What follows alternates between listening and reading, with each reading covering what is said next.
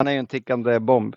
Ja, Sen vill man ju så. testa, man vill ju direkt, man vill ju direkt tipsa alla lyssnare om att slå av avsnittet och gå tillbaka och lyssna på, på avsnittet med Jonas Alvin. Men det är kanske är en dålig taktik. Ja, alltså för detta avsnittets skull så ska du nog inte göra det. Tror inte jag. Ja, Men det, var jag bra, vill det var ett bra avsnitt. Ja, han är grym alltså. Det var intressant som fan. Ja. Lite tråkigt att eh, man ska racka ner på min flapstack bara, men uh, fan. får jag grilla fisk eh, oftare då. Men jag vill också få med, jag vill också få med Anders beklagande över eh, en app igen. Ja. Nej! Nej, jag vet inte var jag ska börja Adam. Ska ni ta ett, eh, ett offline-möte om, eh, Vi kör den. om den appen Mm. istället? Ja, det det gör vi det. det gör. Mm. Ja. Eh, Åker upp till, jag åker till Västerås tydligen. Är jag på väg nu? Vi slåss. är det bra med det Adam? Ja, men jag tycker det är bra. Man får spendera dagen med Claes. Hellgren. Och det är ju underbart. Han är ju superengagerad. Han tränade över fystränare i Hammarby för några år sedan och har ett eget center som vi har gjort. Vi har gjort tester på Västerås Hockey. Så att, eh, det var roligt. Grymt. Eh, det, vi kör väl... Eh, jag tycker vi sätter igång med en gång. Du har ju varit så jävla duktig Adam och skickat ett, eh, ett uppspaltat mail med lite punkter som vi ska tackla. Eh, får se hur många av dem vi kommer in på. Men eh, det var bra grejer så att vi kommer nog, vi kommer nog beröra det mesta skulle jag tro. Eh, ni har ju varit runt lite också. Eh, I Europa främst. Eh, och, och har kommit hem med erfarenheter från det. Så det hade varit jävligt spännande att lyssna på. Eh, det ska vi göra så fort Adam har uppkoppling. Eller är han kvar eller? Sådär va. Vi ska se om jag kan ta mig, jag kan ta mig ut någonstans. Får se om det är någon Har du skillnad. paddel eller någonting idag Anders? Eh, nej, jag får inte spela någonting. Jag ska ner och cykla en timme eller någonting i intervaller tänkte jag. Ja, just det. Vad är värst? Jag Ryggen eller knät? Nej, ryggen har inte ont. Det är benet som det gör ont i, men det kommer ju från Ja. ryggen. Mm. Du har inga skavanker efter karriären Micke eller? Ja, jag jag har aldrig mått så bra i kroppen som när jag slutade. Nej, han har inte gått Ja, in det- i någon närkamp heller. Nej, exakt. Jag är bara chillat. Ja. Ja, Jag Helt tror klart. Micke, det du är på väg att berätta tror jag Micke, eh, Marcus kanske kommer starta podden med. Det finns ju okej, risk ja, för det. Då ska jag inte, då ska jag inte säga någonting. Eller? Ett eventuellt mordförsök eller? Ja. Nu har Nu han han snackat skit- nu har han snackat skit med mig som vanligt när han gör så fort jag stänger ner. I, ibland Så- brukar Inte bara, inte, inte bara han Adam, allihop har gjort det. Nej, precis. Jag vet det. Jag vet det. Det är Det så. Har man, inte spelat proff, har man inte spelat proffs i 15 år, då får man ju direkt de här kängorna. Man räknar sig liksom Ja. inte. Nej. Jag ska bara se om så. vi spelar in på dig fortfarande nu Adam när du kommer in igen, men det gör vi. Och kan Adam höra mig? Det är den största Jag hör frågan. dig. Snyggt. Men jag har slagit av kameran på dig nu aktivt. Ja, bra. Mm. Jättebra. Tråkig, tråkig stämning. Direkt. Ja, då, dålig det. stämning direkt. Det är så det är. Eh, vi kör Kör igång igång. Marcus. Ja, jag ska Anders om du lugnar ner dig lite. Du har ju inte bråttom till någonting mer än cykeln som du ska försöka få igång benet för. Så att, eh, det är lugnt, vi, vi har tid på oss idag. Eh, och eh, idag kör vi dubbla gäster, tvåpipigt. Kan man också säga. Kul. Så vi säger varmt välkommen till Skillspodden Micke Almebäck och Adam Stighäll.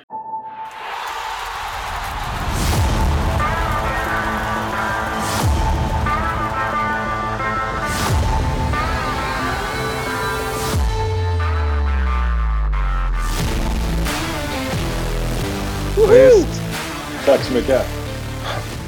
Jävligt kul att ha er här. Vi har jobbat tillsammans ett tag eh, nu. Och eh, Adam, du, du skickade ett mejl till mig med lite punkter som, som vi ska beröra. Eh, och också en kort eh, beskrivning av er. Men så jobbar inte vi riktigt, utan här får gästen själv, oavsett kändisskap, så får man berätta själv. Eh, och ja, Adam, eh, no offense, men fler kanske har lite bättre koll på Micke. Eh, så att vi börjar med dig Adam. Tänker jag. Ja men, ja, men snyggt. Nej, jag tror att Micke Almenbäck har man koll på. Adam Stigen not so much. Nej, men jag är ju fotbollsmångsysslare på något eh, sätt. Eh, varit verksam i laget.se som många lyssnare säkert använder i över tio år. Och involverad lite grann fortfarande. Och så håller jag på att importera ett, ett par tusen taktiktavlor per år. Jag är ung, utbildad ungdomsledare. Jobbar för Foton och gör tester och åker runt i Europa och försöker få eh, sälja in våran utrustning till eh, toppklubbar egentligen. Eh, så att det är eh, blandad kompott eh, på mig och sen annars så springer jag rätt mycket. Lo- Mycket och långsamt, inte fotbollsspecifikt. Dubbel maraton helst. Mm. Dubbel maraton. Ja, är man extremt Åh. långsam så måste man liksom höja hela tiden för att konkurrera. Okej. Så att, eh, Mm. det är det enda sättet. Mm. Jag höll på med hetare sporter när jag var yngre, men man får liksom man får jobba sig uppåt eller neråt beroende på hur man ser det. Mm. och, och, ja, men det är fan härligt Adam. Eh, och, men foton eller foton? Alltså nu... Vad säger man? Pass. Photon Okej. Sports. Tack.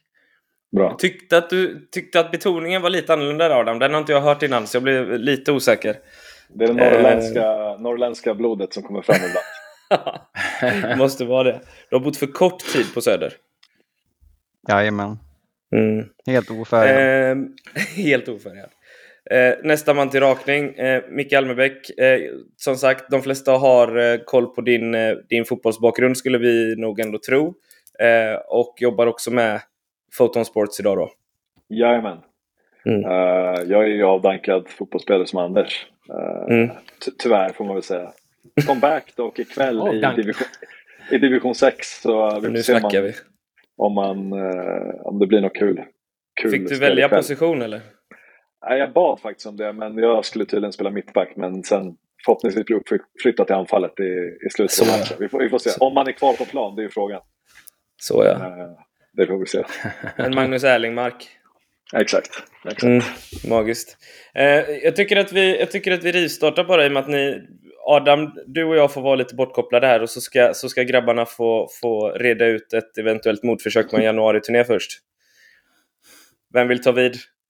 Vi får ju höra bådas eh, sida av mynt här. Alltså, A- A- Adam berättade det här för mig när ni hade snackat. Och det var då det poppade upp i mitt huvud. Annars hade jag helt glömt bort det. Så jag tror det är bäst om Anders Ja. förklarar situationen så får jag bekräfta eller, eller förneka. Men det är Ja, inte i ja. nivå med Ljungberg-Mellberg-grejen eller? Nej. Nej, nej, nej, nej, nej. Det, jag förstår att du har glömt bort det. Jag är fortfarande med i min tå efter det, men... Eh, nej, vi var i, i, i samma lag. Eh, det var en januari-turné. Jag kommer inte ihåg var det var, men det måste varit en... Någon av de första träningarna så hade vi något, eh, något spel. Jag var defensiv mittfältare och Micke var mittback. Och eh, bollen blir lös. Liksom, vi är lite under press vårt lag och eh, bollen blir lös. Och jag, men jag kommer från defensiv mittfältposition mot Micke.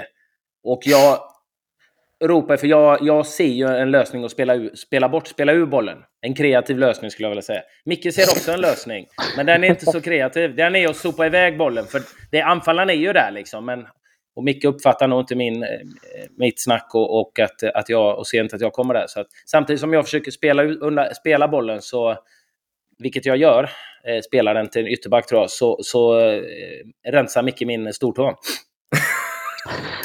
så den fick, den, fick ju, eh, den fick jag ju tumma på blod sen. Och jag, jag som... Jag, har, jag kan ta smällar och sånt, men just när det gäller tårna är jag riktigt, riktigt mesig. Alltså det... Mm. Jag, jag spelade ju för stora skor för att jag hatade att få ont i tårna. Eh, Så att eh, det var smärtsamt. Inte jätteförtjust i nålar heller som man skulle trycka in för att tumma tån eh, på blod. Då. Men Ja. det är, jag har ju släppt det nu. Jag, jag kommer ju knappt ihåg det längre. Ja, du Nej, pratar jag inte- väldigt färskt. Ja, det här går ju, det går ju väldigt fort på den nivån. Det är ju ingen nivå som Marcus och Adam har varit närheten av, Micke, så de förstår inte hur fort det kan gå. Så att, eh, men det, det kommer jag ihåg. Vi var i samma lag där. Liksom. ja, de det bara- minns jag faktiskt inte. Jag tänkte att vi var olika lag. Men, ja, men Nej, då, det hade varit mer okej då kanske. sa, samtidigt som du ser att jag kommer, för jag är ändå hyfsat kraftig. Så Lite Du- du snabbare tog- och du- starkare med, ja. du tog ett beslut att ändå fullfölja och gå in med vetskapen om att det kan gå illa här. Du vet mittbackar, Ja, jag- vi, är inte lika, vi är inte lika aware som mittfältare. Vi, vi kör bara. Nej. Nej, jag vet. Älskar jag, det. Jag, tänk, jag tänkte min kommunikation där och, och eh, erfarenhet att du kanske skulle släppa, låta mig spela ur det. Men Men jag Kanske jag var har dålig kommunikation. Mycket Ja, möjligt. tydligen. kommunikation. Mm. troligtvis, troligtvis ligger det hos mig. Det brukar Ja. göra det. Ja, Absolut. Dialekt, dialekt kan ställa, ha en stor påverkan också. Så. Nej, jag, jag, jag ber om ursäkt. Bad, bad, jag, bad jag om ursäkt efteråt eller? Ja, ja, jag ja det tror jag jag säkert gjorde att du gjorde. Du, Det, måste, det borde jag jag, gjort. jag, jag minns Nej, inte, men det, det gjorde du säkert. Och, Jag snäll eller så skyllde du på mig. Vad fan ska du in där och pilla Anders? Håll dig borta. Var, Det, det är ju lite tveksamt om man kommer som relativt, eh, kan man ju tycka, ny i landslagssammanhang och kör över den mest etablerade i sitt eget lag. Jag älskar det. Det sa ju Kim Ja, det Bergstrand det. när jag hade, jag hade Kim Bergstrand som tränare i BP när jag var 16-17 och kom upp i A-laget. Då sa han ju också det, bara, alltså in och bara kör över de äldre. Kör över dem fullständigt. och då var det inte Ja. riktigt som nu för tiden när man spelar, när de äldre inte riktigt... Det är lite annan hierarki nu skulle jag säga när jag var ung. Då Ja, var det verkligen att man respekterar de äldre på ett helt annat sätt. Så det var verkligen så här. Mm. Ah, jag inte fan om jag ska göra det, men så gjorde jag det och sen fick jag ju skit av de äldre. det bara det. men, ja, men det är ju eh, sant som vi- du är inne på. Om vi Man, bortser eh, från man, det... det är annorlunda. Ja, vad fan vad du avbryter mig Marcus hela tiden. Ja, men du pratar ju så jävla länge annars. Så jag måste Ja, göra det för att vi ska få igång någon jag form back- av samtal. Jag backar undan. Styr du, styr du programmet. Du, det är du bra på. Exakt, exakt. Eh, nej men vi, jag måste ta upp en sista grej innan vi går in på det som ni faktiskt är härligt för och det är ju Snacka Photon Sports som vi också jobbar med på Skills eh, och prata om era erfarenheter när ni har varit ute och besökt klubbar i Europa och sådär. Men eh, någonting som jag alltid frågar eh, spelare som har varit liksom aktiva samtidigt som Anders är ju det här kommer ju upp, ska vi se, med både Wernbloom, Alvbåge eh, och några till. Och det är ju att Anders är ju liksom topp. Han är ju topp på gnällistan hos de flesta spelarna som har mött och spelat med honom. Vart ligger han på din lista, Micke? Oh, bra fråga. Jag, skulle, jag, skulle, faktiskt- jag, jag, jag tror jag pratade med Adam om det här. Jag tror jag nämnde det att vi hade alltid ganska bra tugg sinsemellan när vi spelade mot varandra. Ja. Sen att du gnällde på domaren, ja men det är en, det är en annan femma. Men det finns en som är värre än det, det är Nordin Gerzic. Eh, han, Nordin, ja. han, ja. han, han ligger över på gnällistan. kan jag säga. Jag, gnälla på andra spelare gjorde du inte, men gnälla på domaren, där, du hade ju en fördel också för att spela i landslaget så länge. Så alla hade ju lite... Ja, en, domare, en domare fick väl höra att, du, att han hade förstört hela din karriär, eller? Oj, okej. Mm. Jonas Mm. Eriksson. Ja, just det. Ja, bra snack tycker jag. Jättebra snack. ja, men vi, vi, har, vi har pratat ut om det ju. Så att, eh, Mm, mm. ja. Ja, det är bra. Jo. Jonas, Jonas för övrigt har väldigt bra tugg på plan också. Han är lite Ja. Så? och gli- glirar lite och, och kan hugga lite tillbaka. Det är lite kul. Fan, vi måste ha med Nej, honom i podden. han- Alltså. Ja, nej, han är bra, han är bra Jonas. Men, Ja. eh, nej, men jag tror spelare som, som mig och som Micke och som, som liksom brinner för det lite grann, då kommer det ju saker. Men man gör ju det ofta för, för sin klubb liksom. Lite den klubbkänslan och, och, och som brinner för sin klubb, det finns, saknas. Det finns få av dem kvar nu. Mm. Rosenberg var ju en sån också som man tyckte var grinig jävel och höll på. Men han gjorde allt för att Malmö skulle bli så bra som möjligt. Jag gillar ju såna karaktärer som gör allt för sin klubb. Älskar det. Eh, bra grabbar, då har vi löst de första två punkterna på, på dagordningen, höll jag på att säga. Men, men eh, ni, ni båda kommer från Photon Sports och det är ju ett, eh, ett företag som vi jobbar med på Skills, på centret. Eh, vem vill ta taktpinnen att, eh, att berätta lite om vad Photon Sports är för någonting? Och hur det uppkom liksom. Jag kan ta den, den pinnen. Eh, jag har jobbat på Foton i ett... Foton sa jag också Foton, det blev också nollen. Ja, ja, ja. Adam har påverkat mig för mycket. På Foton i ett och ett halvt, ett och ett halvt år eh, ungefär sedan jag slutade spela aktivt. Eh, och vi är egentligen en tech, ett techföretag, sporttechföretag som mäter speed, agility, quickness på ett enkelt och ja, men, nytt innovativt sätt som gör att det, det blir lättare att samla in relevant data för klubbarna. Mm. Eh, och det vi har gjort sista året är egentligen att vi har tourat eh, Sverige, Europa, eh, fram och tillbaka, in och ut för att sälja in det här hos klubbar, fystränare, kliniker, personliga tränare, handbollsklubbar med mera. Så det är egentligen det vi gör. Vi har, gjort, vi har skapat ett verktyg som gör att det blir otroligt mycket lättare att samla in relevant data som tidigare har varit ganska jobbigt att få in på ett enkelt och smidigt sätt. Mm. Just det. Vad, vad upplever ni? Upplever ni något, någon form av motstånd när ni är ute hos klubbarna? Liksom? Det är lite olika Sverige och ute i de europeiska klubbarna. I Sverige Mm. kan det vara en sån, vi ligger ju ganska mycket efter här om man jämför med Mm. England eller Tyskland eller Holland eller Belgien. Ni är ju ett undantag i och med att ni mm, försöker mäta så mycket som möjligt som går att mäta inom ramen för fotbollsspelandet.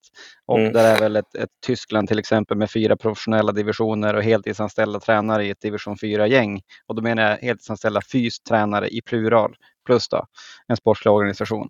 Så det, i Sverige är det mera att skulle jag säga. Det beror inte på, men att testa och göra det regelbundet så att vi också blir bättre och jobbar med det. Men det är helt annorlunda i, ute i Europa. Ja, vad, vad, ehm, vilka, klubbar, vilka klubbar har ni besökt? Ni har besökt väldigt många såklart, men, men var har ni liksom märkt störst skillnad på sättet att arbeta på kontra hur vi jobbar på i Sverige? Det börjar ju gå mer och mer mot det här, lite som Jonas pratade om i förra avsnittet. Det här med att det, om man inte testar så vet man inte. Mm, Uh, Europa, typ Klubb Brygge, min gamla klubb som vi besökte ganska tidigt, de mäter ju i princip allt de gör. Är de i gymmet och kör styrketräning, då mäter de varje rep de gör. Hastigheten på hur liksom, snabbt man gör repet. De mäter ja, men, avföringsprov för att se hur tarmfloran är på spelarna och sen kan justera det med kost i efterhand. Och de, de mäter skeletal ålder på ungdomsspelarna för att se, okej, okay, är, är den här spelaren, spelaren skeletala ålder yngre än vad han är på riktigt. Så att han kan inte ska jämföras med 15-åringen, han kanske ska jämföras med 13-åringen istället så man inte tappar spelare. Så de mäter ju så pass mycket mer grejer för att veta mer och få mer information och kunna fatta bättre beslut. Det är där Mm. jag ser den stora skillnaden nu när jag varit ute i Europa och träffat ja, större klubbar än vad som finns i Sverige. Sen Mm. liksom, Sverige är på god väg och det känns som att det börjar ske en förändring men ändå ganska lång bit ifrån varandra eh, just nu. mm. Är det, är det, tror du att, eh, att man är lite motvillig med, med det här nya eller är det mer en resursfråga i Sverige? Det kanske kan vara lite både och, också lite kunskap. Eh, men jag tror ju resursfrågan definitivt. Kollar man budget på de klubbar som vi besöker i högsta ligan i Europa kontra, det är väl egentligen Malmö som är den enda klubben i Allsvenskan som kan någorlunda jämföra sig. Eh, annars är det ju en budgetfråga. Det, är ju, det vids ju och vänds på varenda krona i de klubbarna vi besöker också. Så det är liksom inget konstigt med det och då förstår man ju att det gör det i Sverige också. På ett helt annat sätt. Om vi tillåts Men- ligger generalisera Malmö kan man ju säga, ja vad säger du, kör Anders. Nej, nej kör, kör du. Ja, men tillåt man generalisera och jämf- vi säger att eh, en allsvensk, ta här allsvensk fotbollsklubb har en heltidsanställd fystränare. Vi säger att en damallsvensk fotbollsklubb har en, en deltidsanställd. Här heltid, dam deltid. Och så jämför Mm. du det och då säger vi i hela klubben. Och så, som, som generaliserar nu, det kan vara lite bättre, lite sämre. Och så jämför du med ett, ett Bayer Leverkusen som använder Foton. Då har de mer än tio stycken på fysträning bara på akademi och dam. Heltidsanställda. Mm. Mm. Ja, det är lite andra pengar. Mm. Såklart. Så är det ju. Ehm, om, man, om man tittar på... För vi, vi har ju pratat med ganska många spelare som, som är utomlands idag. Vi, jag och Anders har ju alltid varit inne på att vi ligger efter rent tekniskt, eh, spelintelligensmässigt och alla de här sakerna som vi älskar att jobba med också. Eh, och vi kommer tillbaka till det som, som Saletros sa eh, när han kom ut och, och kände att han låg i nivå, kanske före ganska många också rent tekniskt, men att han låg långt efter i eh, tempo, fys, snabbhet, alla de här sakerna. Intensiteten också. Framförallt intensiteten och lösa Ja. eh, sina tekniska färdigheter i ett högre tempo. Ja, Där han tyckte att eh, i, i, de norska spelarna som kom var mer förberedda för de, de tränar med högre intensitet i Norge. De behöver inte nödvändigtvis vara bättre tekniskt, men de löser Mm. det tekniskt i ett högre tempo för de är vana vid ett högre tempo och en högre intensitet i Norge. Eh, Mm. och då kommer vi till det där med att, och, att intensiteten i vår träning i Sverige är inte tillräckligt så du klarar dig med en, en bra teknik och du behöver inte testa den i ett högt tempo för att det är inte tillräckligt högt tempo och intensitet i Sverige. nej. Så hur, Och, har ni eh, någon uppfattning hur man tränar det i, i eh, övriga Europa? Alltså jag kan bara prata från min egen erfarenhet när jag flyttade till Brygge. Där, där har varit en del svenskar i Belgien överlag som har åkt dit och blivit skadade och inte fått spela. Men det var en helt annan nivå på träningsmängd, intensitet. Mm. Alltså allt var ett steg upp. Uh, lite med det också att göra med att man har betydligt större, bredare truppar i de flesta klubbarna i Europa. Det har kanske, I Sverige kanske vissa klubbar som jag spelade i ÖSK, men då hade vi kanske 14-15 spelare som kan gå in i en startelva och leverera. Och sen har man några utöver det som liksom är på gränsen och kan klara. Men när jag var i Brygge hade vi kanske 25-26 spelare som alla kunde gå in och starta och göra det bra. Och då blir mm. det ju automatiskt att ja, men då kan man dra upp intensiteten i träningen. För blir någon skadad eller blir lite skavanker, men då har man en lika kvalitativ spelare som står på tur och kan komma in. Så det är också, alltså det är också en aspekt i det hela att man, man kan riskera lite mer i träningsmängd och spelare blir slitna utan att det påverkar lagets mm. elva på plan om man säger så. Eh, men pratade inte du och jag, Micke, när vi träffades första gången uppe i, i, på Skills om att, för du, du lämnade ju Sverige som en, en spelare med, med ganska starka fysiska kvaliteter. Mm. Och vad var känslan när du kom till, till Brygge? Ja, men, om man inte ska vara för kaxig, jag var nog snabbast i Allsvenskan när jag, när jag gick ja. utomlands. Men så kom ja. jag till Brygge och då var jag en i mängden. Ja. Egentligen. Alltså det är i mm. princip det kan man säga. Alla anfallare var snabba, alla mittfältare var hyfsat snabba, alla försvarare var snabba. Det var en helt annan nivå på den. Uh, där mm. I allsvenskan så kunde jag känna att äh, men då kunde jag låta en, eller en anfallare peta och sticka och jag hann ikapp. Mm.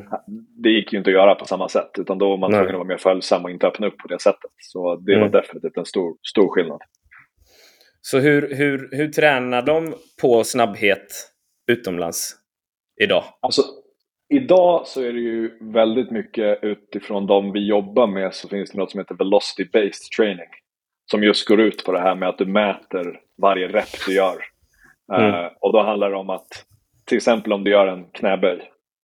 Då ska du inte droppa mer än x antal procent av din maxhastighet i uppåtriktning, i vertikal riktning från rep till rep. Så när man droppar till exempel minus 10 ja, då är man kanske klar för dagen, för då börjar man träna ett annat muskulärt nervsystem. Då tränar du inte på explosivitet längre, då tränar du kanske uthållighet.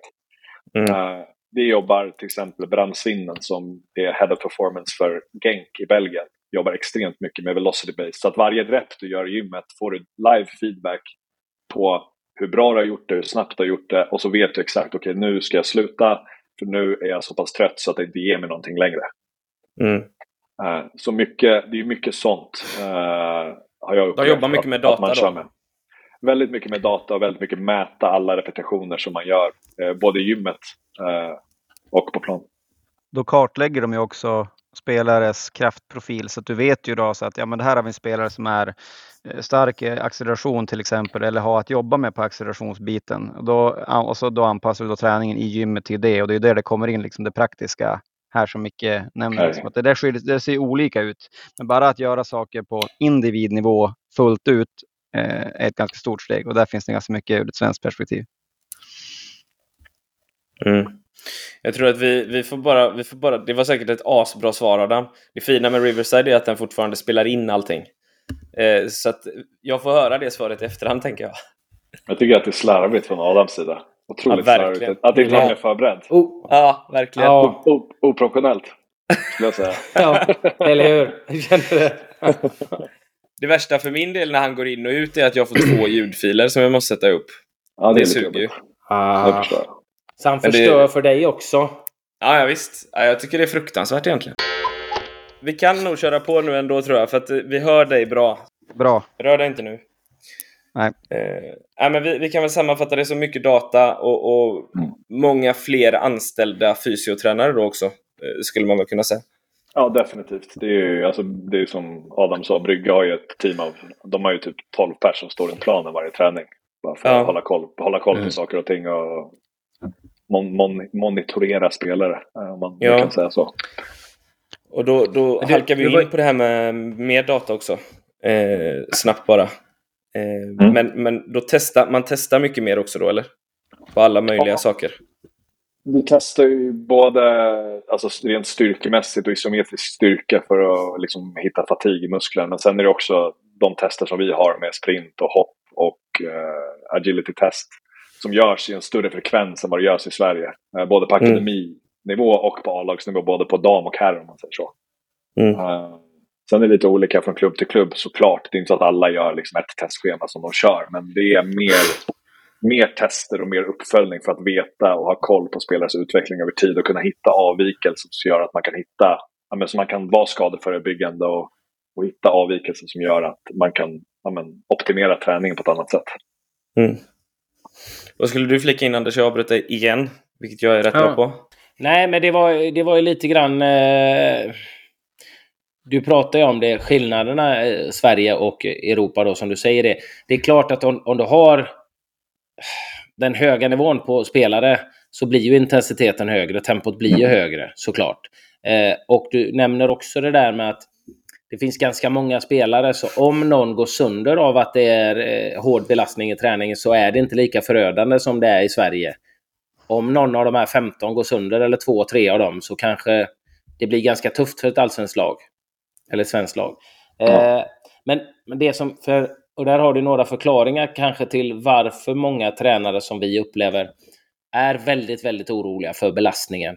Och de, mm. Eh, dels med att träna extra, träna individuellt och, och, jobba med bitar. och Det mäts ju en del. Jag vet att Pontus Wernbloom var inne på det själv och blev avplockad från träning för att han hade legat för, i för hög intensitet och, på puls och så vidare. och, så där. och Han vill ju fortsätta träna. och eh, jag vet inte, vi har ju, jag har ju varit hård där liksom att säga att vi, vi kan träna mer och bättre i Sverige. Men det finns ju också den bakgrunden då som du nämner också just med det här med, med de riskerna om man får spelare skadade för att det blir för hård belastning. En svår balansgång där. Ja, ja definitivt. Det, jag tror också på att man kan träna mycket hårdare i Sverige. Det har jag upplevt i min egen karriär här, här i Sverige också. Att jag tycker att vi, vi borde kunna träna hårdare. Och, alltså, det mm. handlar ju om att bygga upp en tålighet för vår träning också. Så att du tål det Exakt, på ett annat sätt. Allt. Och, och det är ju egentligen det som är svårt att göra mitt i en säsong. Då är du inne i det och då handlar det mest om återhämtning och fräsch i matchen. Men jag tycker någonstans att vi skulle kunna bygga upp en större tålighet för att träna hårdare. Vi hade en tysk tränare i Belgien som, ja men du kanske haft en tysk tränare själv Anders, men ja, det var en, det var en helt annan nivå på längd på träning, intensitet. Det var liksom ute på plan i tre timmar. Det spelar ingen roll. Vi ska träna tills vi sätter det vi ska liksom kommit hit för att träna på. Och jag har aldrig varit nu var jag ung då i och för sig, men jag har aldrig varit i så bra fysisk form rent konditionsmässigt. Det var spela tre matcher i veckan, inga problem, återhämtning. Man kände sig fräsch varje match. Inga skavanker, inga skador. Så det handlar om att bygga upp en tålighet i musklerna. Och där tror jag att vi är lite efter, generellt. Det, det också, men också kunna mäta så att man ligger rätt med både med kost och återhämtning och sånt också då? Definitivt vi tog del av. Vi var på uh, World Congress of Football Science. Ska Adam in och förstöra podden igen här nu? Ja, jag förstör, Har du eftersändning nu? Men det, an, men det anspelar på det här i alla fall. Är det, är, är det, dålig, är det dålig sändning nu? Nej. Nej, kör, kör, kör. Ja, vi kommer precis tillbaka från World eh, Congress of Football and Science, vilket är en, en kongress eller mässa för eh, Sport Science som pågår var fjärde år. Och den anspelar lite på det här delvis då, för att Juventus, eh, akademin Juventus publicerade en, en studie till exempel som hade att göra med, med eh, belastning på unga spelare. För det finns mycket studier och research på belastning på eh, A-lagsspelare till exempel, hur man periodiserar träningen så att du kanske har ditt tyngsta pass mitten av veckan, 72 timmar efter match eller något sånt där. Men eftersom att belastningen på de unga spelare, 13, 14, 15 år, är ju lägre och de återhämtar sig snabbare från match. De kan ju träna dels eh, lite hårdare men också hårdare tidigare på veckan för att bygga upp just, du var inne på tåligheten, där vi kanske upplever att, att svenska spelare eh, inte har så hög tålighet när de kommer ut och blir proffs. Och det där är en sån där grej, hur anpa anpassar vi det i fotbollen eh, i, på ungdomsnivå idag? Mm. Eh, ja, den är ju svår för att vi, vi, vi, jag vet inte, jag kanske pratar för dig nu Anders, men, men det springer runt massa spelare i Stockholm med, med sådana här västar som ska mäta hur du ligger i, i din träning och, och att du inte blir övertränad och sådana mm. här saker. Men jag vet inte om man tittar på fel sak eller någonting, för jag menar alla spelare som vi pratar med som tränar individuellt hos oss till exempel. Ja visst, där har, du, där har du relativt hög puls i kanske 40 minuter av 50. Eh, men vi kan ju också anpassa den träningen till att köra mer lågintensivt om det är vissa specifika detaljer du vill slipa på.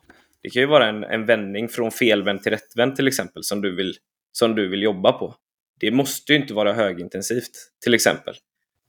Men, men jag tror att många, många ledare och tränare landar i att all träning är tuff och hård. Eh, tänker jag. Men du kan ju jobba på olika saker med olika eh, intensiva nivåer och olika pulsnivåer, såklart. Och Det tror jag man är lite sämre på. Men du Adam var inne också på det här med att man kan redan i, i ungdomsåren börja bygga upp för en bättre tålighet. Är det du var inne på eh, i, i den här studien eller? Ja, och de visar ju det. Alltså att aktivistspelarna återhämtar sig mycket snabbare än, än mm. eh, de som spelar på A-lagsnivå till exempel. Ja, det borde man kunna träna mm. hårdare och det vet jag till exempel, ja, nu är jag från, de flesta har hört att jag är från Norrland, men från Skellefteå till exempel. De är, har ju varit världsledande i att utveckla ishockeyspelare och där började de ju redan för 15-20 år sedan att träna mycket, mycket tuffare på eh, A-pojk, B-junior och A-junior nivå än vad man gör på första lagsnivå. Ja. Det är, eh, jag, jag, tänker inte sticka under stol med att säga att det är tufft att höra det du svarar ibland. Fan vad med... tråkigt! Jag är besviken på mig själv att jag inte blir, var rekad eh, tidigare.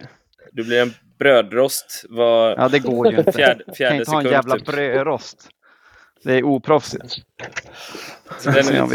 Men under tiden, som, eh, under tiden som du letar upp en ny plats där Adam, du behöver inte logga ut och logga in igen utan den kommer nog hitta tillbaka till det.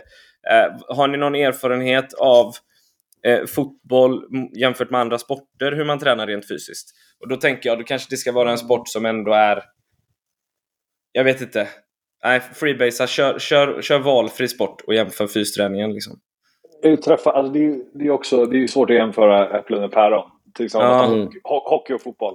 Ja, uh, som exempel, vi har, vi har träffat uh, några hockeyklubbar i Sverige och hockeyn överlag mäter ju otroligt mycket mer än vad fotbollen gör. Där ligger hockeyn mm.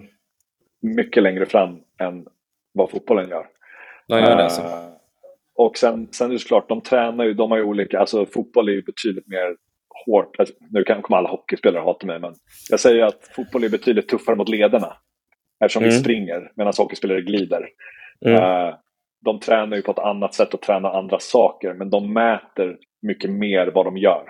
Mm. Uh, om man tar hockey. Handboll till exempel i tyska Bundesliga, där har de ett system på alla matcharenor. Uh, det är något kamerasystem som mäter i princip, det är lite som ett GPS-system fast ännu mer avancerat. De mäter allt. De mäter skotthastighet, hur snabbt du rör armen, hur högt du hoppar, hur snabbt du hoppar. Alltså Todo som finns, liksom, som man gör, alla rörelser man gör på planen mäter de. Uh, fotbollsmässigt så där har vi GPSer uh, mm. som, som mäter på matcher. Eh, och sen gör man fystester titt som tätt. Jag vet inte hur du upplever Anders, men när jag tränade i alla fall så jag inte stick under stolen med att jag var ganska mycket i gymmet och körde mycket för att jag tyckte att amen, det, det gav mig dels energi och sen så ville jag försöka optimera liksom min fysiska status så bra jag kunde. Men mäter man inte om det jag gör i gymmet faktiskt gör mig snabbare eller mer explosiv så vet jag ju faktiskt inte, lite som Jonas Albin också var inne, då vet jag inte om det jag faktiskt gör gör mig bättre eller rent av kanske Nej. gör mig sämre. Uh, det är det jag är lite, det är därför jag fastnade för Proton Sports, för att jag har saknat det under min karriär, bortsett från när jag var utomlands. Det här med att följa upp fysiska parametrar. Och som ni är inne på, alltså fotbollshjärnan är ju, det är en extremt stor del av fotboll. Uh, mm. Jag vill ju påstå att den fysiska delen är, jag skulle inte säga att den är lika viktig, men den är ju min, alltså den är snudd på lika viktig för att ska du ut i Europa så måste du vara snabb och du måste vara fysiskt liksom bra. Och vet man inte då vad man ska göra för att bli bättre, eller om man ens blir bättre, okej, okay, mm. hur ska man handskas med det då? Det är, det, det är den liksom frågan jag tycker är ganska intressant. Mm. Men det, har du eh, fotbollshjärnan då som du säger som jag tycker viktigast mm. går ju inte att säga men för om du inte, även om du har en, en, en otroligt bra fotbollshjärna men du har, kan inte utföra det fysiskt så som hjärnan vill i den Nej. hastighet och, och, och, som ofta så, så, spelar det ingen roll. Så det är ju symbios Nej. på något sätt. Nej, exakt. Eh, exakt. Men det, det som jag tycker är intressant och som, jag själg, som du är inne på, som jag själv mm. önskade att jag hade då, det var ju att att kunna få den hjälpen för det som i, i gymmet och med fysträning eh, som passar mig och som jag, mm. min kropp behövde och så att jag gör det rätt. Men i Sverige så gjorde vi, alla gjorde ju typ i stort sett samma sak. Eh, ja. Och det gällde ju även i, i, i, eh, i konditionsövningar också och, och, sånt där. Där hade man ju olika positioner, man kanske sprang på ett annorlunda sätt. Men framförallt styrketräning, det var ju samma. Alla gjorde ju samma sak liksom. Och där hade man ju önskat lite mer specifikt. Vad behövde jag jobba på och vad funkar för mig? Vad, och, och kunna mäta, då hade man ju fått en jäkla fördel att, att träna rätt hela tiden. Eh, Exakt. Och det är det, det är det lite vi är ute efter med vårt verktyg, att vi, vi vill mäta så pass frekvent så att du får en pålitlig baseline på spelarna. Så att dels mm. du kan hitta avvikelser men också så att du kan, exakt som du säger också nu, att identifiera, okej okay, men Anders du är bra på det här, men du är lite sämre på det här. Okej, okay, då måste vi jobba på det och då gör man de här övningarna, då ska vi göra det här i gymmet. Micke, men du är bra på det här men sämre på det här, men då måste vi identifiera, okej okay, vad måste du jobba på? Som du säger, det är som med kost och allting, alla, det var ju som tyckte Jonas avsnitt var väldigt bra, nu promotar jag det mycket här, men det, här, mm. det, det, går in i det jag ska säga med att, och som du pratade om Anders, det här med att individualisera så att alla inte gör samma, uh, tycker jag är viktigt.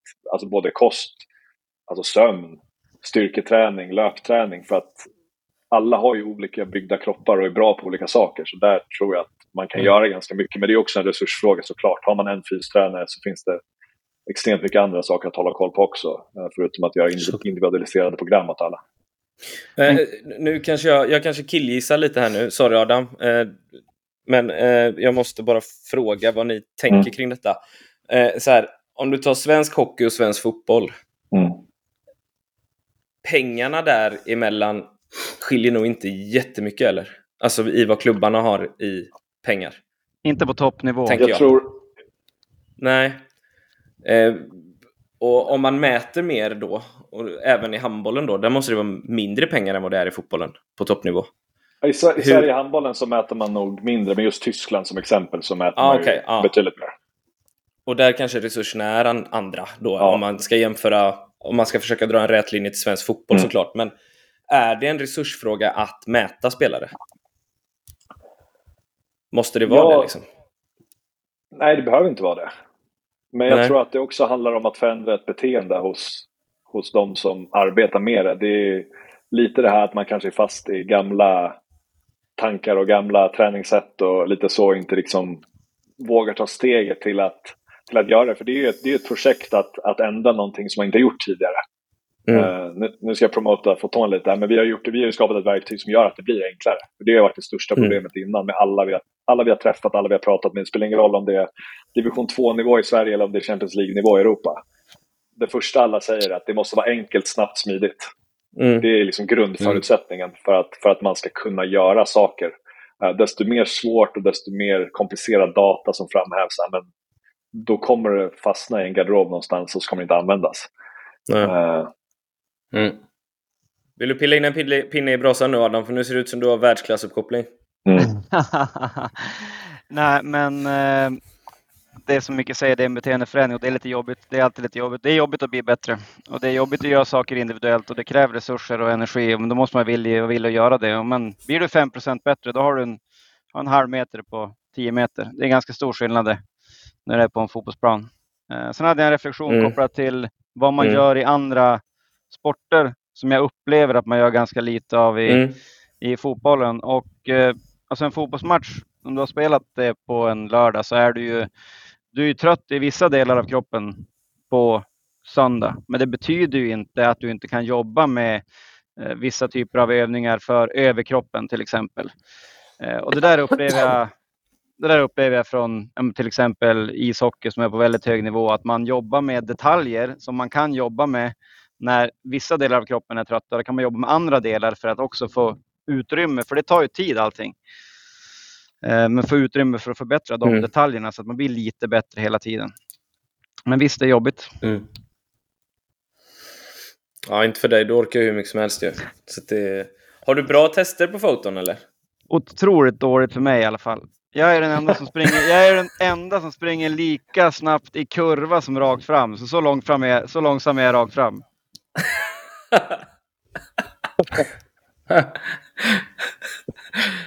Någon ska göra det ju. Du, är du ja. nöjd med dina eh, testresultat, eh, Micke? Ligger du ja, bra jag, fortfarande? Jag, jag, tycker att jag håller mig hyfsat. Jag byggde ju gym det första jag gjorde var när jag slutade i garaget. Så jag håller, ja. mig, jag håller mig i form, tycker jag. Anders, har du gjort testerna eller? Nej, fan jag kan, jag kan ju inte springa. eh, tyvärr. Så att, eh, Fortfarande? Det är svårt. Ja. Mm. Nej, det hade varit bra för mig eh, om den möjligheten fanns att mäta och, och, se vad jag hade kunnat... Vilket sätt jag hade kunnat förbättra på. Vad det, ja, för att träna rätt helt enkelt. Kunna mäta Ja, och det- testa. Det hade det- varit intressant. Det kommer ju mer och mer såklart, men eh, det, det känns som det går lite för långsamt i, i Sverige att ta upp den här möjligheten och hjälpmedlet. Och det är ju som om man, om man tar det där, går tillbaka eh, till det här med att mäta. Det är som freshness. Jag vet inte Anders hur du har jobbat med, om ni har jobbat med subjektiv freshness när man fyller i en skala hur man mår och hur man har sovit och hur man har ätit och hela den biten. Eh, det är ju ganska svårt att göra det skulle jag säga. Och speciellt att det varierar ganska stort från individ till individ hur man betygsätter. Ja, men hur mår jag? Hur har jag sovit? Vad har jag ätit?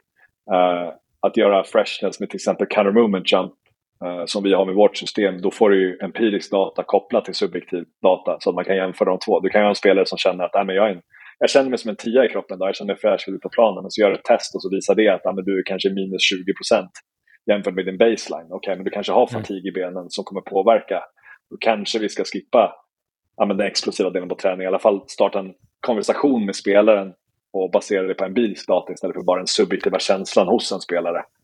Eh, Det tror jag kan göra mycket att göra så att man undviker de här onödiga skadorna som blir, att, som blir på grund av att man som spelare alltid vill ut på planen.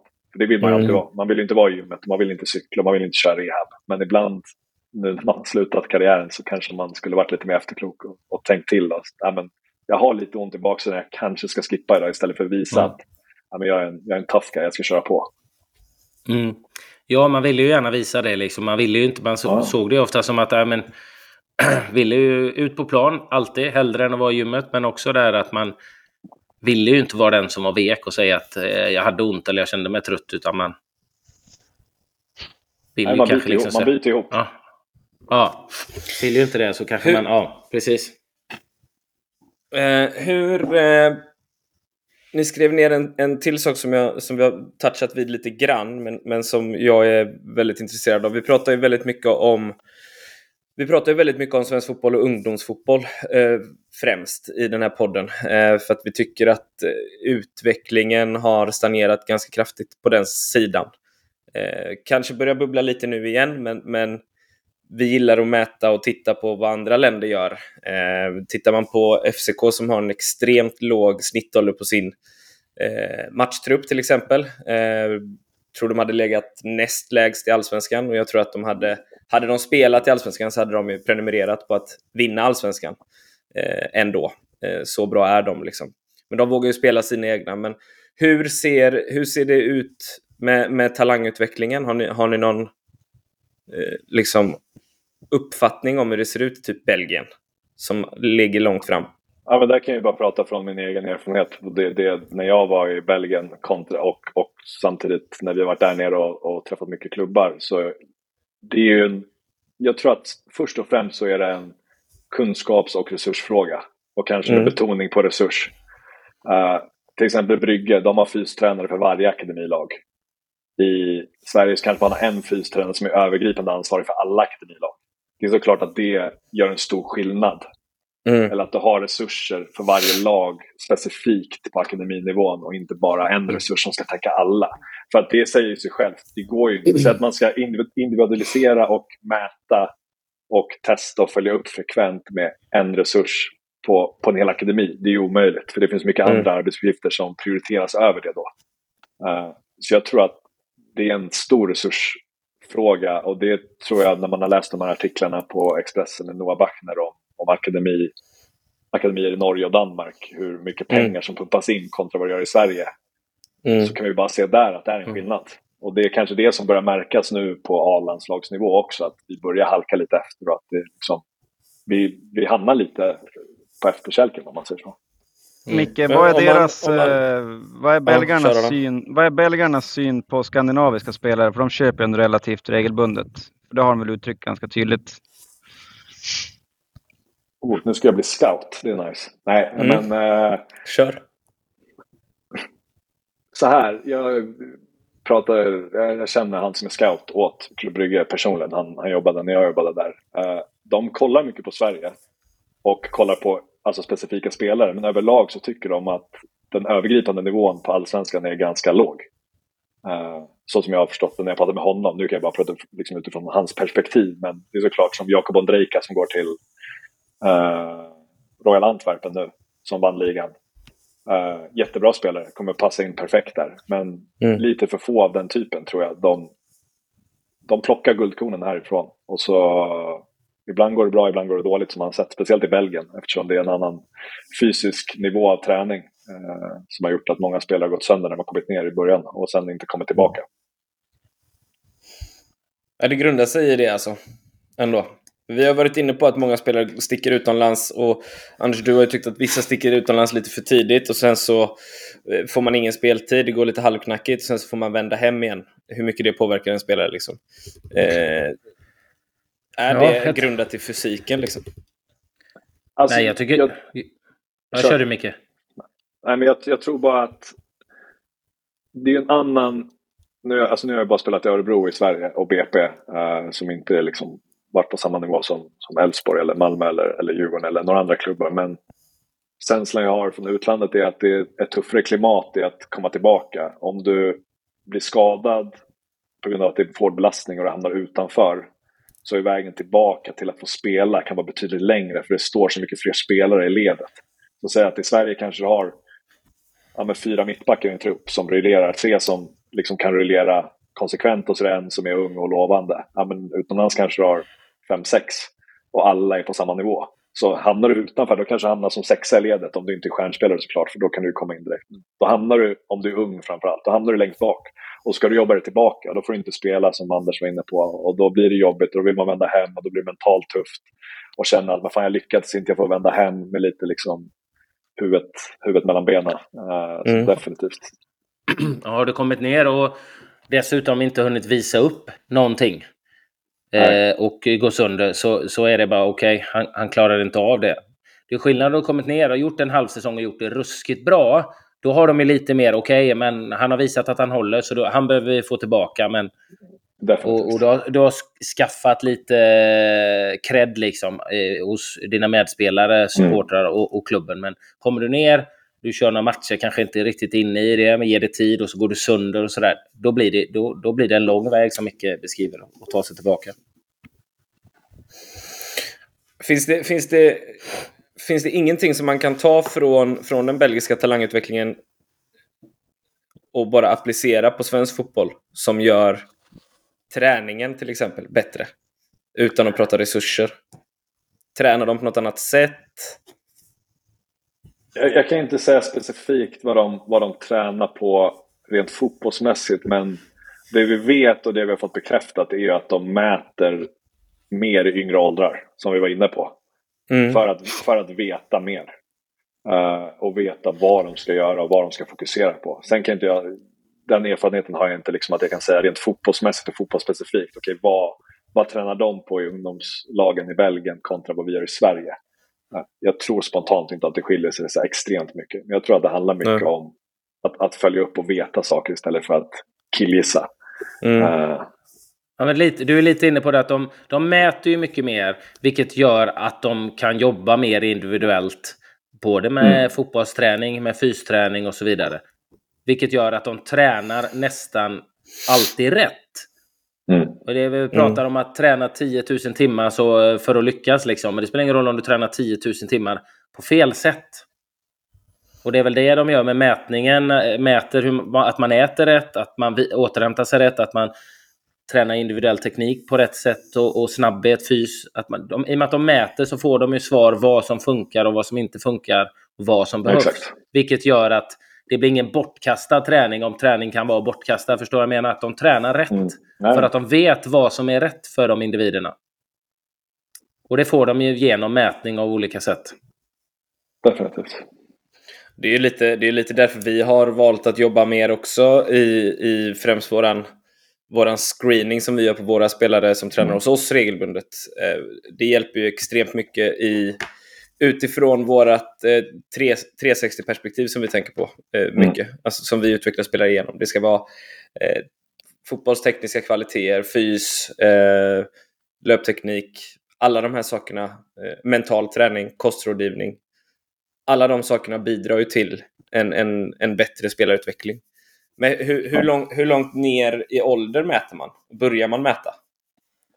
Det tidigare från land till land, ja. men ja, mycket, mycket tidigare överlag. Du kanske Adam?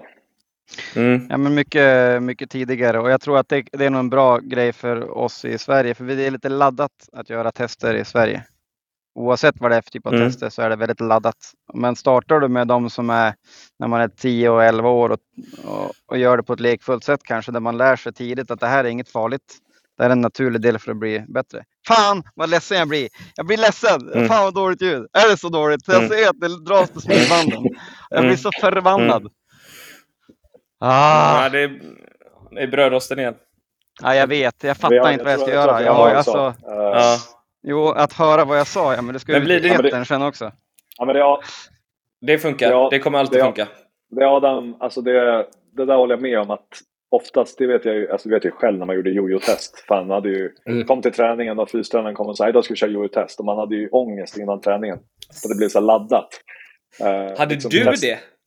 Ja, jojo, det har jag aldrig varit alltså jag, jag gillar inte att springa. Jag gillar att springa kort och snabbt. Alltså jag gillar inte att springa långt. Det är fan det värsta. Det är värsta. Jag springer inte maraton som Adam gör. Det skulle jag alltså, inte ens... Alltså Nej, betala hur inte. mycket som helst. Jag springer inte. Det spelar Nej, det händer inte. Det, men en sak jag reflekterade över också. Det här, med att, det, mä, det här med att de mäter mer och att man mäter oftare och följer upp. Det blir också en motivationsfaktor för spelaren i sig Mm. om du gör en grej och du får, om du mäter, ja, men du startar vid en viss punkt och säger okej nu måste vi jobba på din explosivitet de första 0 till 5 metrarna, där måste vi bli bättre. Ja, men som en Mm. mittback, du ska upp i press, stanna snabbt eh, och liksom vinna boll. Ja, men okej, Mm. kan vi mäta det här, träna på det och sen mäta igen och visa på okej du har blivit bättre. Och sen också Mm. kunna koppla det till, kan du koppla det till fotbollsspecifika klipp från match. Där man visar, okej här, var här var innan, så här såg det ut, här vinner du bollen. Mm. Det skapar en motivation hos spelaren också till att okej, men fan, nu ser jag att det här vi gör i gymmet ger effekt. För det är en, en sak Mm. som jag har upplevt under min karriär att fystränaren går in och säger vi ska göra det här, vi ska göra det här. Men man får aldrig riktigt någon förklaring till okej, varför gör vi det här? Och Nej. nu tror jag som den yngre generationen är nu, alltså överlag om man kollar liksom hela Varför? arbetsmarknaden, så, så vill man ha varför. Varför-generationen. Mm. Varför gör jag det här? Varför ska jag göra det här? Vad gör det, liksom, hur gör det här mig bättre? Och kan man då visa med, med data att du har blivit bättre på grund av att du gjort det här, då kommer det skapa hos spelaren. Men det kommer ju bli en sån här ping i huvudet att Mm. vad fan, jag blir bättre av det här. Mm. Det, här det, det är klart jag ska göra mer av det här eller lyssna på vad de säger och liksom fortsätta mäta och följa upp. Så jag tror att det är en, alltså det är en stor fördel att kunna mäta för spelare. Plus att jag, jag tror att det du nämnde där Adam med, med alltså jag tror, jag tror tester, screenings och, och de typen av sakerna har ju felvinklats på samma sätt som nivåanpassning egentligen. Alltså att det har fått en, en negativ klang. Alltså eh, att göra ett test handlar ju om att hjälpa spelaren. Precis som en nivåanpassning gör. Det handlar ju inte bara om de som ligger långt fram. Det handlar lika mycket om de som ligger lite längre bak i utvecklingen. Till exempel. För att de ska få utvecklas på sin nivå i sin miljö på rätt sätt. Och det, det är ju samma sak för, en, för ett test och en screening. Alltså det handlar om att hjälpa spelaren att bli ännu bättre. Det handlar ju inte om att man ska göra ett test och säga är du är underkänd. Det är inte det det grundas i. Och lära sig Tänker fokusera på sin och lära sig fokusera på sin utveckling tidigt. Ja, exakt. Det tänker jag också. Men det är också det, du kan ju vara bra på, alltså, man kan vara bra på olika saker. Jag har ett konkret exempel från en allsvensk spelare i en allsvensk klubb som, där Mm. de testade agilitet och sprint. Jag ska inte nämna några namn här. Var det Anders? Jag vet, vet, vet inte vad jag får. Nej, jag kan, inte, jag kan varken bekräfta eller förneka. Eh, nej, men, och man sprint och agilitetstest. Var på den här spelaren var egentligen botten på båda dem. Eh, och Mm. äldre spelare som kände att "Nej, men jag kommer inte bli så mycket mer explosiv och snabb i den här åldern. Okej, men vad kan jag jobba på då? Jag kan jobba på att bli stark i ytterlägen, att vända snabbare, vara bättre på speed control som man säger, att bromsa in och accelerera snabbt ut ur en, Mm. ur en vändning. Mm. Så då jobbar man med det med styrka, liksom ytterlägen och hela den biten. Och det slutar ju med att han var en av de bästa på agiliteten, men liksom samma nivå på sprinten. Men han hade förbättrat det som han kunde förbättra. Mm. Det är det man vill, vill nå fram till. att Alla kommer inte bli sprinters, alla kommer inte ha den egenskapen att man är sjukt snabb. Men då finns det andra saker där man kan vinna meter på motståndaren och bli bättre på en motståndare. Så det, det är sådana saker genom mätning som jag tror att man kan identifiera och, och hitta och bli bättre på. Och sen Mm. utvärdera liksom, över tid. Mm. Vad säger du Anders? Hade du tacklat ett sånt test på ett bra sätt? I din karriär? Jag tyckte det var intressant att se vad jag hade kunnat hitta. Liksom. Jag var ju inte Mm. speciellt snabb, men jag var ganska snabb på just fem meter, vilket gjorde att jag kunde ta mig förbi en motståndare eller framförallt komma till skott, skapa mig yta för att slå mina passningar som var min styrka. Så att, eh, Mm. Men det har ju varit intressant och eh, jag hade kunnat förbättra det ännu mer kanske om jag hade, hade fått mäta och kunnat jobba på rätt sätt. Så jag tycker det är Mätte ni någonting i. Southampton eller? Inte mycket, nej. Utan vi fick eh, liksom, det var egentligen styrkeprogram liksom. Det var, jag tror inte ens vi gjorde snabbhetsmätningar liksom. Styr, liksom inte spänst eller någonting. Egentligen det enda... En topp 10-klubb Nej. i Premier League under tidigt 2000-tal ändå. Mätte ingenting. Nej, inte, vi, gjorde, vi gjorde inte ens eh, konditionstester, liksom, löptester, utan det var, det var ju försäsongen. Vi löpte ju, jävlar mig, Mm. på golfbana i, i Skottland med Gordon Strachan skrikandes liksom. Eh, men det var, det var inga, inga tester så vad jag kan komma ihåg. Nej. Men vet spelare idag vad de eh, gör på 10 och 20 eh, meter? Ett antal kilometer och se vem som kom in först. Nu har de nog järnkoll tror jag. Nu mäts det nog eh, eh, överallt i England tror jag. Jag tror de ligger hyfsat eh, ja, betydligt längre fram än när jag spelade där. Liksom. Så Men mäts svenskar- hela tiden. snackar... eh, Nej, det, det har jag svårt Nej, att det, säga. nej, det tror jag inte. Eh, Så, inte, Ja. inte, inte majoriteten. Det är väl få som mäter det skulle jag tänka mig. Var det ligger 10. Vi gjorde ju det med Elfsborg någon gång liksom, där vi mätte 30 meter eller något sånt där. Det- Men eh, det är ju lite intressant att vi i Sverige kanske vet vad vi gör på 2000 meter, men vi vet inte vad vi gör som fotbollsspelare på 10, 20 och 30 meter. Nej. nej, det är väldigt intressant. Har ni någon insyn i, svenska klubbar idag hur man jobbar med det? Ja, vi har ju precis publicerat en pilotstudie tillsammans med Dan Fransson och Helena Andersson som är från damallsvenskan i fjol där- 10 klubbar har testat väl 8000 tester tror jag. Så nu har vi ju ett och därför såg man samband mellan hopphöjd och maxhastighet på 30 meter till exempel, vilket är unikt för tjejer och inte ses Mm. samma samband på, på killar. Ehm, så där har vi också baseline för.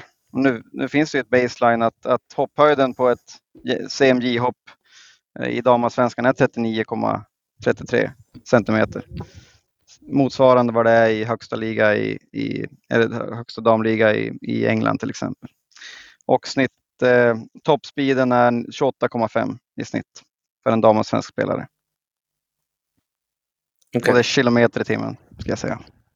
Inte en Annars hade, det annars hade det varit extremt snabbt om det var ett meter per sekund. Då snackar vi Usain, Usain gånger 10 typ. Ja, typ, typ. Vad ligger du där Micke då? Hastighet? Mm. Uff. Ja, vi gjorde ju någon maxhastighet. Jag ligger väl över 30 i alla fall. Med fotbollsskor och uppvärmd så kanske jag går upp till 32 nu. Men jag mätte ju aldrig när jag, trä- när jag spelade så jag vet ju aldrig vad min maxhastighet var. Tyvärr. Nej. Vi gjorde, vi gjorde ju tester. När jag, när jag spelade BP faktiskt i ung ålder eh, så var vi på Bosön och gjorde fystester varje försäsong. Mm. Eh, då gjorde vi sprint och vi gjorde hopp och vi gjorde styrketester och liksom dittan och dattan. Men eh, så överlag när jag spelade i ÖSK, det var också det var en resursfråga. Vi var tvungna att ta oss till universitetet för att liksom göra testerna. Testerna gjordes inte i den miljön där man normalt sett är och spelar. Vi vill ju att testerna ska göras på fotbollsplanen, på fotbollsskorna. Så att det blir en så naturlig miljö för fotbollsspelaren som möjligt. Och då blir det också Mm. det här med att ta bort den här eh, som vi pratade om, den här pressen med att göra test. Utan det blir som en del av integre- alltså, integrerat i träningen. Att ska man göra Ja. sprints en dag, men då kan vi lika gärna mäta det.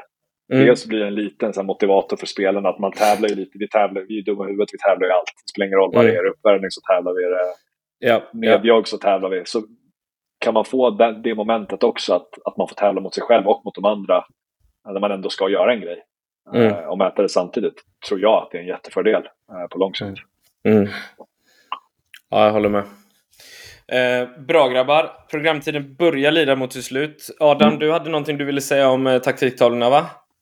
Ja, men jag importerar ju ett par tusen varje säsong och nu har jag ett gäng eh, hundra och det är ett gäng ungdomsledare som lyssnar på det här. Så jag tänker väl att de som eh, vill ha en eh, taktiktavla skicka till sig med magneter och penna och sånt där. De kan väl eh, droppa ett meddelande på, på LinkedIn eller höra av sig till podden så får vi väl posta ut de här innan semestrarna exploderar.